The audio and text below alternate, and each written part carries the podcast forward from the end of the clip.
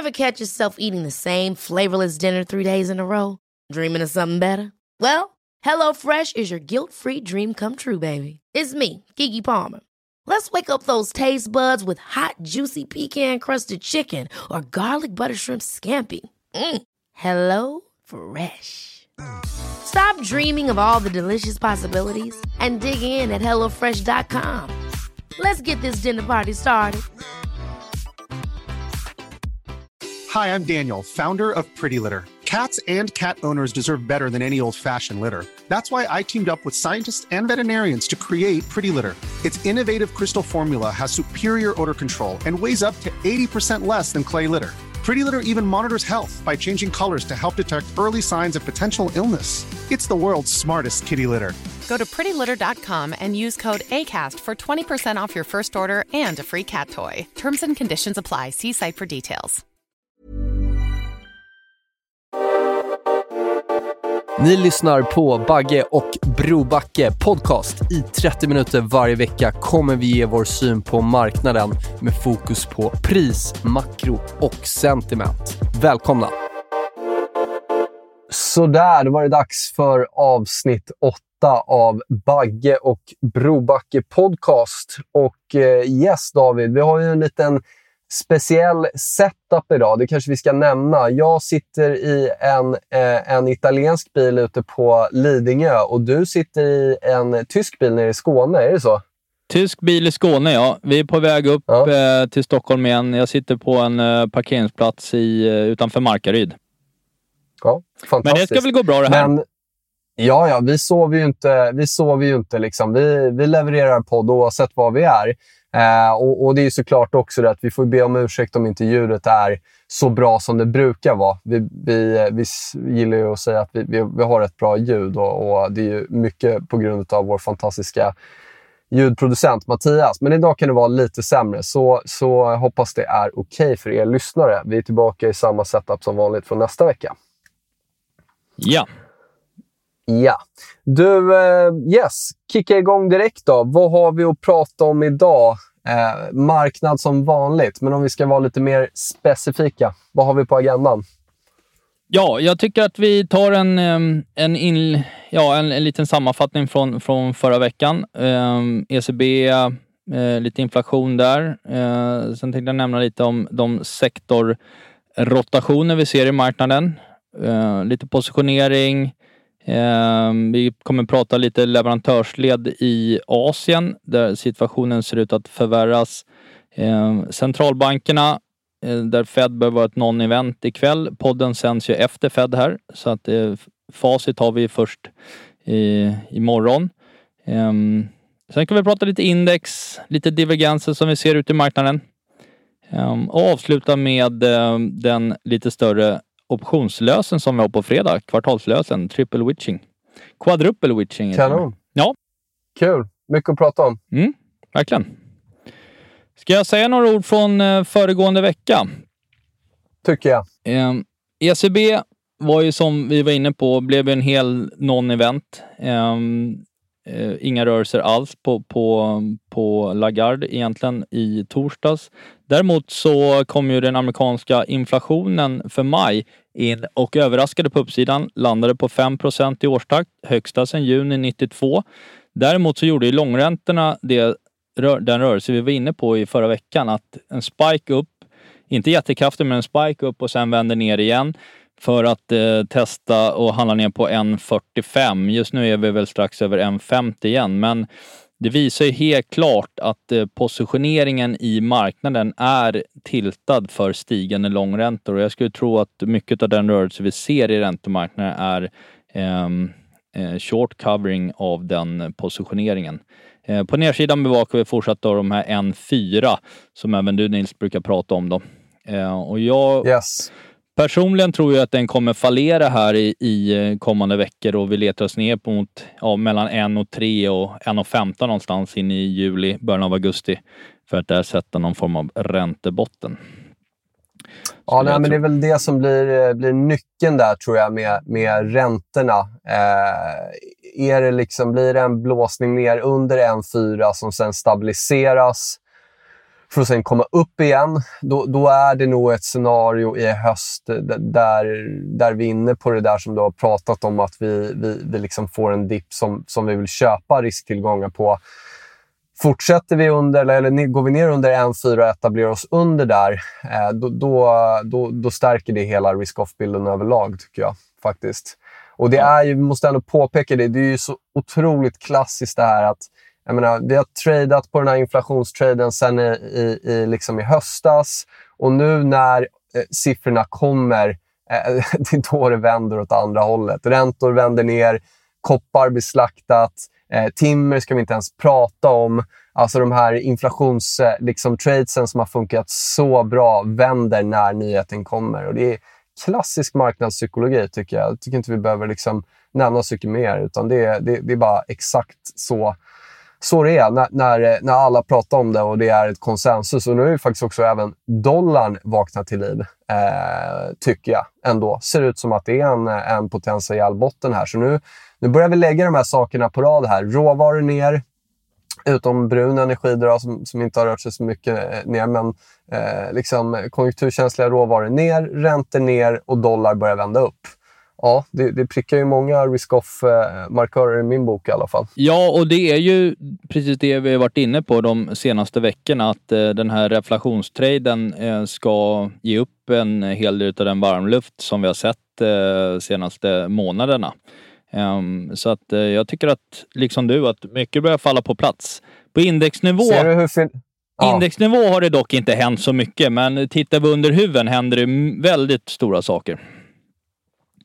Eh, så tänk... är det verkligen. Och, och, och, det ska vi säga att vi gjorde ju faktiskt ett nytt all time high på breda index här. Eh, det var väl i, igår över natten, va? Eh, det som var är att eh, midcap gjorde inte det. Small cap gjorde inte det. Micro cap gjorde inte det. Tittar vi på sektor, eh, andra sektorer som finans så är det ju, ju ner ett par procent från toppen. Transports har toppat ur och så vidare. Så det var just de här stora breda indexerna som gjorde en high för att sen reversera igår och gå ner under tidigare högsta. Då.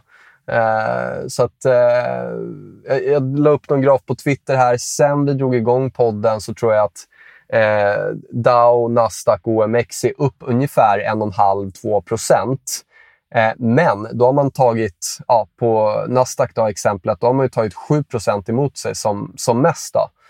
Så att, eh, ja, det är, det är egentligen ingenting som har eh, har förändrat min syn här, eh, tycker jag. Inget av det vi har sett sedan förra veckan. Nej, och tittar vi på, eh. ska man nämna något om bankerna specifikt kanske då, så har vi haft lite varningar i veckan. Eh, först var det ju eh, JP Morgan som var ute i början av veckan här och eh, varnade lite för NII, alltså eh, räntenettot för året. Eh, Wells Fargo var ute och sa igår att deras lånebok inte växer som de hade hoppats på, inte än i alla fall. Och eh, City var ute idag, eh, CFO på, på Citibank var ute idag och sa att eh, de tror att eh, tradingnettot eh, kommande kvartal kommer vara eh, mindre än vad de tidigare trott. Då. Ehm, och även eh, ehm, eh, investment banking eh, intäkterna bör kunna eh, komma ner ett par procent eh, från mid to high single eh, digit. Då. Så att eh, det är de, de har lite motvind de amerikanska bankerna. Som du sa, sektorn är ner 6% senaste två veckorna. Eh, för kommer, du ihåg hur det såg ut, kommer du ihåg hur det såg ut förra året, eh, David? Kommer du ihåg att XLF började toppa ur eh, betydligt innan eh, liksom slutet av februari? Eh, den här rörelsen såg vi komma liksom i, i, januari förra året. Det var en bra, bra indikation på vad som skulle komma, eh, faktiskt. Ja, absolut. Eh, för europeiska banker och så, om man håller kvar i banksektorn, har ju inte börjat ge någon större vika. Eh, vi hade en nedgång förra veckan, men det är någon procent från high. Det som sticker ut i sektorn generellt det är ju Nordea. Eh, även, den sticker även ut mot de europeiska peersen eh, och gick upp över 94 kronor här igår. Så att den är ju den riktigt starka. Jag tycker den ser kortsiktigt toppers ut och eh, här då, men den är ju den som har gått riktigt starkt då. Eh, ska man vara kvar på svensk och europeisk del så kan man säga att börserna fortsätter glida uppåt. Eh, väldigt lågt momentum. Vi har haft några dagar den här veckan eh, där vi har haft ganska starka öppningar på börserna, framförallt i måndags, för att sedan säljas på och mer stabilisera sig under eftermiddagen. Vi ser en liknande rörelse här nu när vi spelar in på onsdagen. Ehm, vi, däremot så har vi tydlig rekyl i många av vårens tidiga vinnare. Exempelvis SSAB ner 22 procent sedan toppen i, i slutet av april. Boliden kommer, ja, ner, exakt. Boliden kommer ner på lägre kopparpriser, ner eh, 8 procent och sen toppen i maj. Eh, personligen i vår förvaltning fortsätter en neutral allokering mot börsen som helhet. Då. Vi äger fortfarande säljoptioner på OMX och S&P med lösen i juli och augusti. Och eh, rent eh, sektormässigt så, så fortsätter jag se defensiva aktier som ett safe haven då kommande veckor. Och vi ser även senaste veckan Telia upp 2,2 procent, AstraZeneca upp 5,7 medan OMX är eh, plus 0,25 då sen vi spelade in senast. Så att de, har, de har fortsatt att fungera, får man ändå säga. Medan exempelvis spelsektorn om... har liksom spel, spelsektorn har ju fått eh, ganska eh, markanta nedgångar senaste veckan. Vi hade ju en Hindenburg-rapport eh, på de blankningscase i DraftKings igår som fick eh, lite flöden globalt och även de nya G7 ehm, eh, bolagsskatterna som man diskuterade förra helgen eh, väntas ju kunna, om de implementeras, så inte kunna slå negativt mot, mot eh, spelsektorn som, som helhet. Då. Så att vi har sett eh, mm. eh, vi har sett en del nedgångar där. Kambi har ju redan fått stryk länge. De hamnar, hamrar ju på lägsta. Liksom. Det jag tyckte var intressant på det här med pris och, och kontra den här nyheten. Då. Det går ju inte att veta att det där ska komma ut, men jag tror jag, hade, jag pratade lite om Evolution här för, om det var förra veckan eller vad ja, det var. Exakt. Kring 1600. Ja, vi har exakt. haft en, vi har haft, det är tydligt om vi bara kollar på grafen. Jag lägger ingen värdering, återigen. Man, man, man får bli hur irriterad eller hur glad man blir, men jag, jag, jag lägger ingen värdering var, var Evo går. Men det är tydligt i grafen att vi har haft en säljare vid den där 1600-nivån konsekvent. Eh, mm. Och nu kommer nyheten ut. Eh, ja, Eh, lite intressant det där. Jag ser också faktiskt, det, det som du ser i aktier, att flöden går till defensiva. Eh, jag tycker mig se det både på, om vi tittar på högbeta versus lowbeta, en relation som jag gillar att titta på. Den har börjat toppa ur eh, för ett par veckor sedan. Så där ser vi det flödet. Eh, du ser det även också om du prisar high yield mot amerikanska tioåringen. Du får samma topp där, det vill säga räntehandlare eh, säljer sina high yields och, och, och köper amerikanska tioåringar. Det är också den där förflyttningen som är intressant, de där relativvärdena. Ja, och även i valutamarknaden, om man kollar på den australiensiska dollarn mot den japanska yenen, så har vi där nu sista två månaderna en väldigt tajt kilformation medan då MSCI World går upp och gör en ny högsta här sista dagarna. Så att, men skulle den här valutaparet bryta på nedsidan, vilket inte är helt omöjligt, kan ju lika gärna bryta på uppsidan, men bryter det på nedsidan ur den här kilformationen, då är det en, en, en tydlig varningssignal för global riskaptit generellt då. Med tanke på den australiensiska dollarn som ses som den, en riktigt cyklisk valuta, ungefär som den svenska kronan då, globalt. Ja, och så har du dollarbotten nu då. Dollar, dollar yuan, dollar sek, eurodollar så vänder du på det, ser ut att vara en topp. Eh, så att, eh, ja, lägg dem på rad. Valutorna börjar, och det har vi väntat på. Vi har inte sett det där i dollarn ännu. Vi har inte sett det där risk-off liksom, eh, okej, okay, det, det är ingen gigantisk studs i dollarn ännu, men den har i alla fall ja, men slutat att gå ner och börja vända upp. Liksom. Ja, ja. Uh, och det var ju också en, en, en, väldigt crowded trade, short dollar och samma med, med ja, där. och är det fortfarande. Det, senast förra veckan så ökade ju eh, positioneringen på dollar shorts i marknaden. Så att eh, jag tror att vi, det, det finns fortfarande en, en, en risk, en överhängande risk för en ordentlig short covering i dollar och en ordentlig short covering i bonds, vilket då skulle innebära eh, ränta ganska markant ner, eh, långräntan alltså, och en ganska markant uppgång i dollarn då, temporärt kommande fyra till sex veckor. Då. Just det. Ja. Eller längre. Det får Eller vi se. Det får vi se.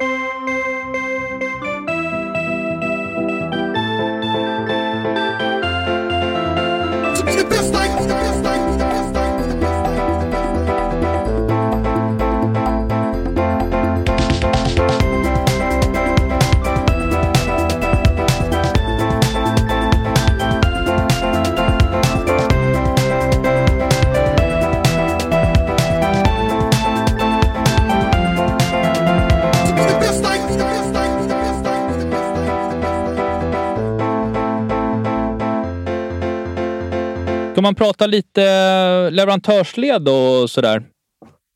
Ja, men det tycker jag. Du har ju varit bra där på bollen, får jag, får jag ändå credda dig. Vad, vad är det som har hänt där?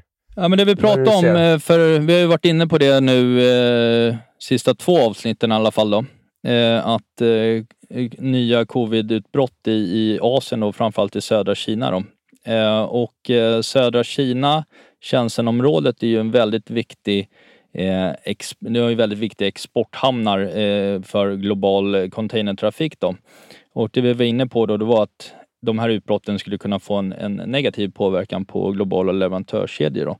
Och eh, den här veckan, jag tror att det var i måndags, var Maersk ute och sa att trängseln i hamnarna i södra Kina fortsätter att förvärras.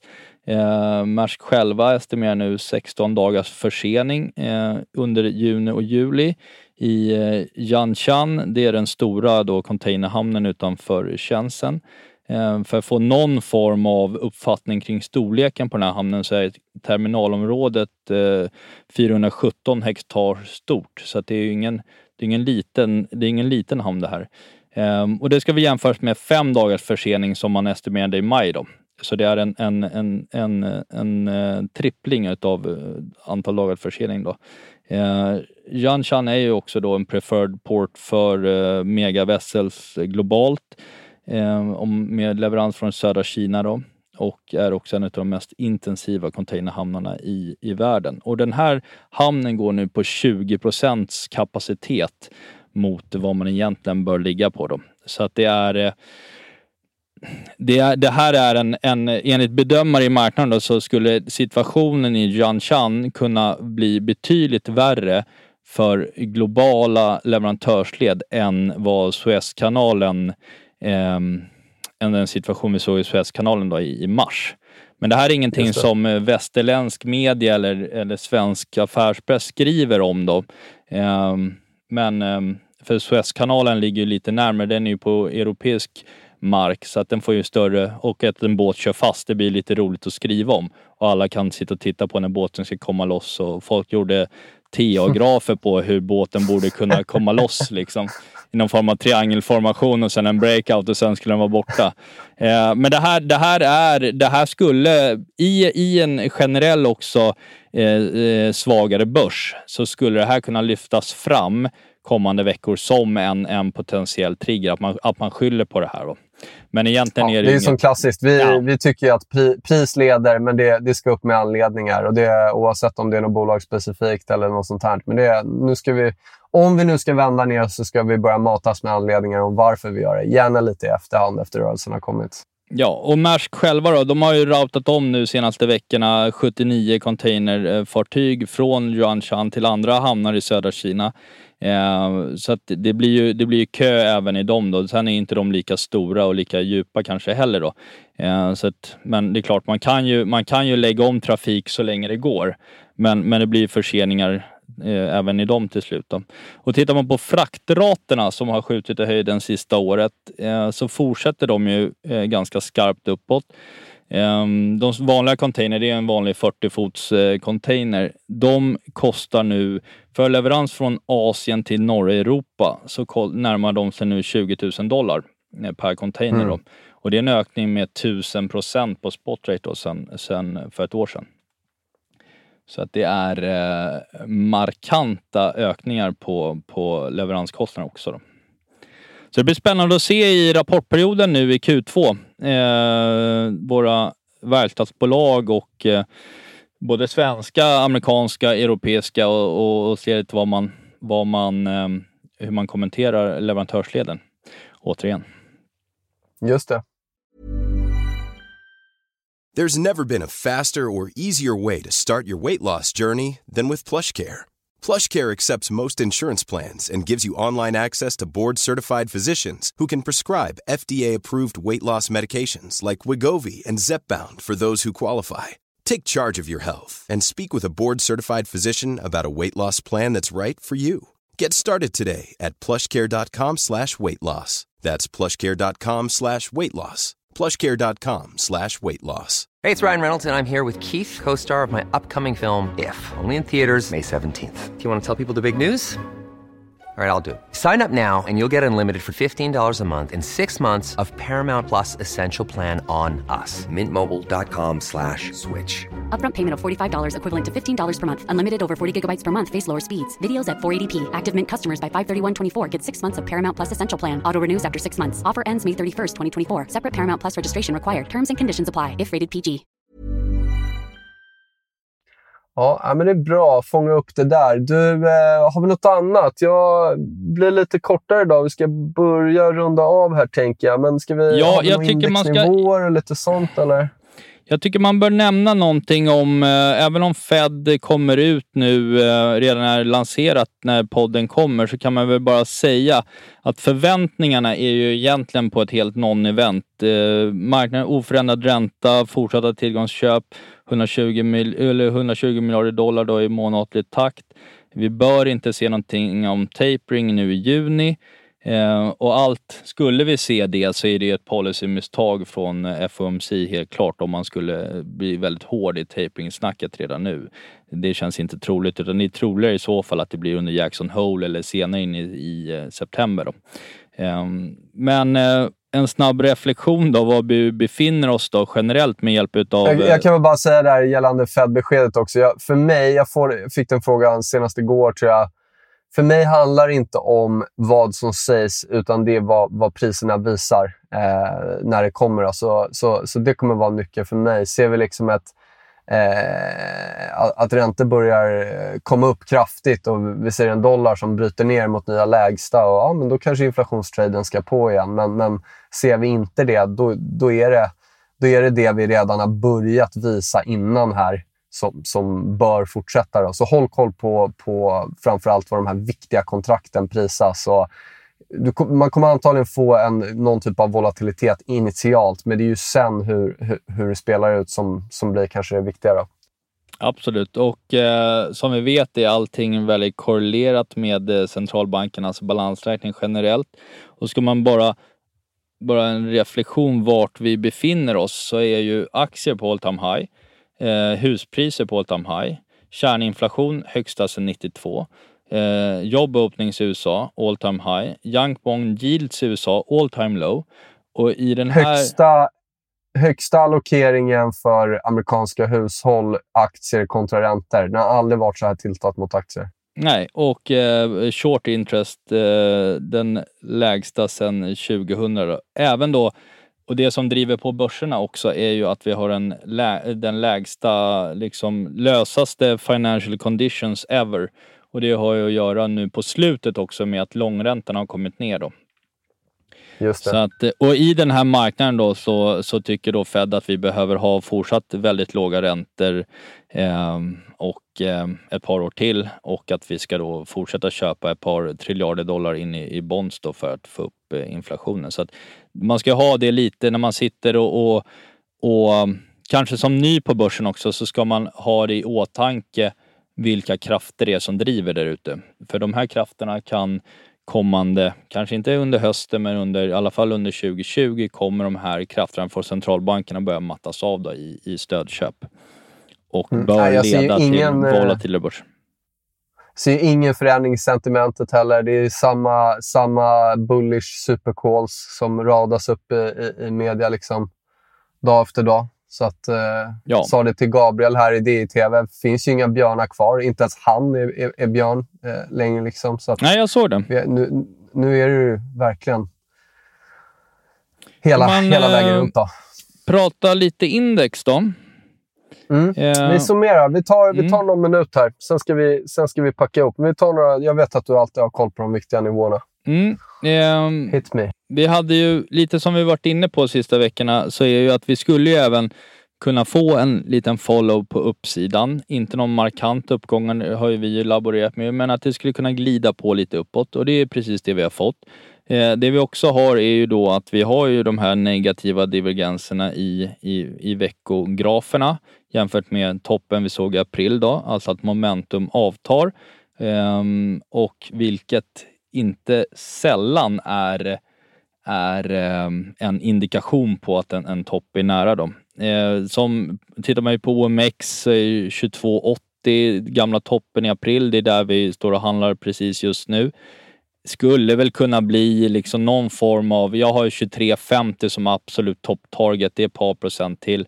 Eh, men, men i min bok eh, så är, jag jagar inte de där sista procenten. Eh, det är förra veckans lägsta Eh, som är blir stöd på kort sikt i, i samtliga index då.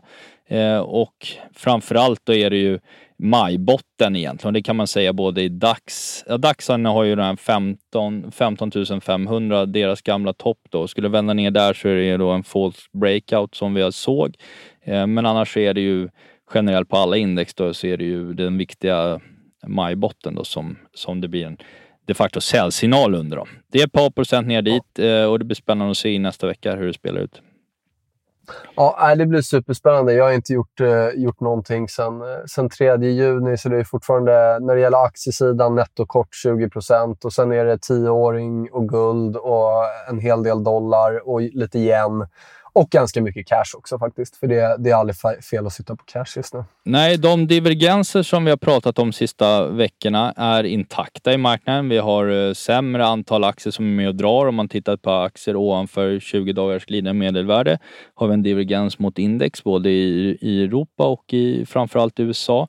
Vi har, tittar vi på ADX-indikatorn på S&P då, den, den studerar ju då själva momentumet i en trendvändning. Är den hög så är det ju då antingen att det är en stark impuls uppåt eller en stark impuls neråt. Så det är både upp eller neråt. Då. Men just nu är den under 20, vilket eh, betyder att marknaden är helt trendlös. Eh, och den brukar också, när den är på de här låga nivåerna, få en ganska skarp vändning uppåt.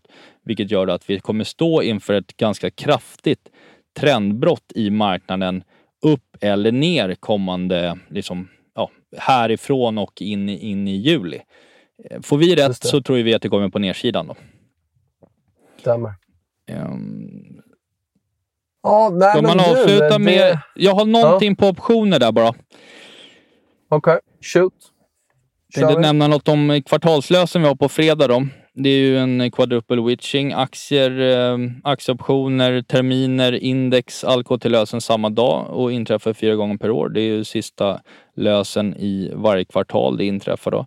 Eh, tittar vi inför fredagen då så har vi väldigt hög gamma i marknaden, vilket betyder att vi har många som har köpt calls eh, vilket också syns i put call ratio som är väldigt, väldigt låg här nu. Eh, och det innebär då att tradingdeskarna då måste hedga motbenet i de här positionerna med att sälja index på uppställ och köpa på nedställ, vilket vi ser i marknaden nu, som får ner vollen och det blir väldigt små indexrörelser som följd. Det är exakt det vi har sett den här veckan också. Då. Eh, däremot så tittar vi efter fredag då, eh, så kommer, och in i nästa vecka då, så kommer mycket av den här gammal stabilisatorn som vi har nu i marknaden rulla av böckerna. Tittar vi på Gamma på S&P försvinner 50% av de positionerna på fredag eller efter fredag och trippel Q-ETFen då, Nasdaq, eh, är den siffran 60% som rullar av dem. Så att eh, nästa veckas handel bör bli eh, betydligt mer volatil, antingen på uppsidan eller på nedsidan då, än vad vi har sett den här veckan. Um, men nästa vecka nästa onsdag eh, så ska vi prata mer optioner och strategier och hedging och allt med eh, optionskungen eh, Carl Björkegren som besöker oss i podden. Um, tycker det kan vara väldigt passande att lyfta, ja, lyfta in honom. Uh, det är ju väldigt många flöden där ute som är optionsrelaterade, inte minst inom liksom amerikanska meme stocks och Wall Street Bets och sådär. Så att uh, det kan bli riktigt bra att ge Kalle lite, lite airtime och, och få ge lite färg på vad, vi, vad, vi, vad som händer i marknaden och hur marknadsmekanikerna i stort fungerar. Så att uh, missa inte det. Nej, missa inte det. Och återigen, Riktigt kul att se att folk fortsätter att stötta och höra av sig och kommentera. Jätteroligt. Eh, det tackar vi för. Eh, återigen, det var lite speciellt idag med ljudet. Vi hoppas att det är okej. Okay. Vi kommer vara tillbaka i samma krispa setup nästa vecka som vanligt. Ja. Eh, jag har väl inte så mycket mer. Ta det lugnt där ute. Tänk på risken och eh, ha det skönt i värmen helt enkelt. Det ska jag ha det. Jajamän, jag med. Hörs nästa vecka. Tack, tack. Tja. Tja, tja.